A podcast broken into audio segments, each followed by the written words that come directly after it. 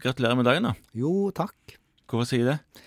Fordi i dag er det, i hvert fall ifølge Allmennlegeforeningen, fastlegedagen. Ja visst er det det. Ja, Og det er jo oss. Det er oss. Det er vår dag. Ja. Så jeg regner med du har spist kake på kontoret? Jeg har eh, det. Jeg har feira godt i tog hele veien hjemmefra og til legekontoret Ja. med bøtten på brystet. Ja. Var det sånn fakkeltog, det?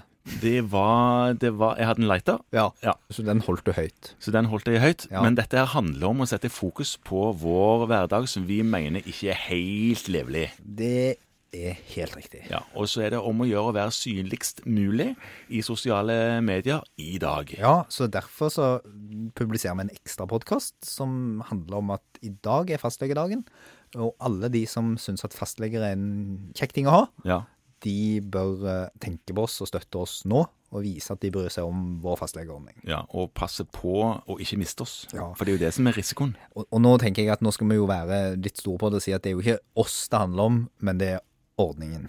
Det er retten og muligheten for enhver borger i landet å ha en fastlege finansiert av det offentlige, som bidrar både til å yte ekstremt billig, tro det eller ei, dere som syns det er altfor dyrt å gå til legen, ekstremt billig legetjeneste, og å være en portvokter og en sorteringsinstans og en god ramme for inngangen til resten av helsevesenet, det trenger dette landet. Ja, Og det vi ikke trenger, er sånne pop-up-legetjenester som er med på å undergrave det som FLO, altså fastlegeordningen, står for. Det som er viktig, og det som er gullet i det som vi liker å se på som det gode helsevesenet vi har i Norge. Helt riktig. Og Derfor er det sånn at hvis vi nå ikke passer på å gjøre rammebetingelsene, arbeidsforholdene, for de fastlegene som er der i dag, så gode at de har lyst til å fortsette, og ingen nye har lyst til å begynne, så kommer dette huset til å falle sammen. Ja, For det lekker egentlig i begge ender. Ja. De gode, rutinerte, litt eldre fastlegene de slutter, for de gidder jo ikke dette her mer. Og de unge tør ikke å begynne. Nei.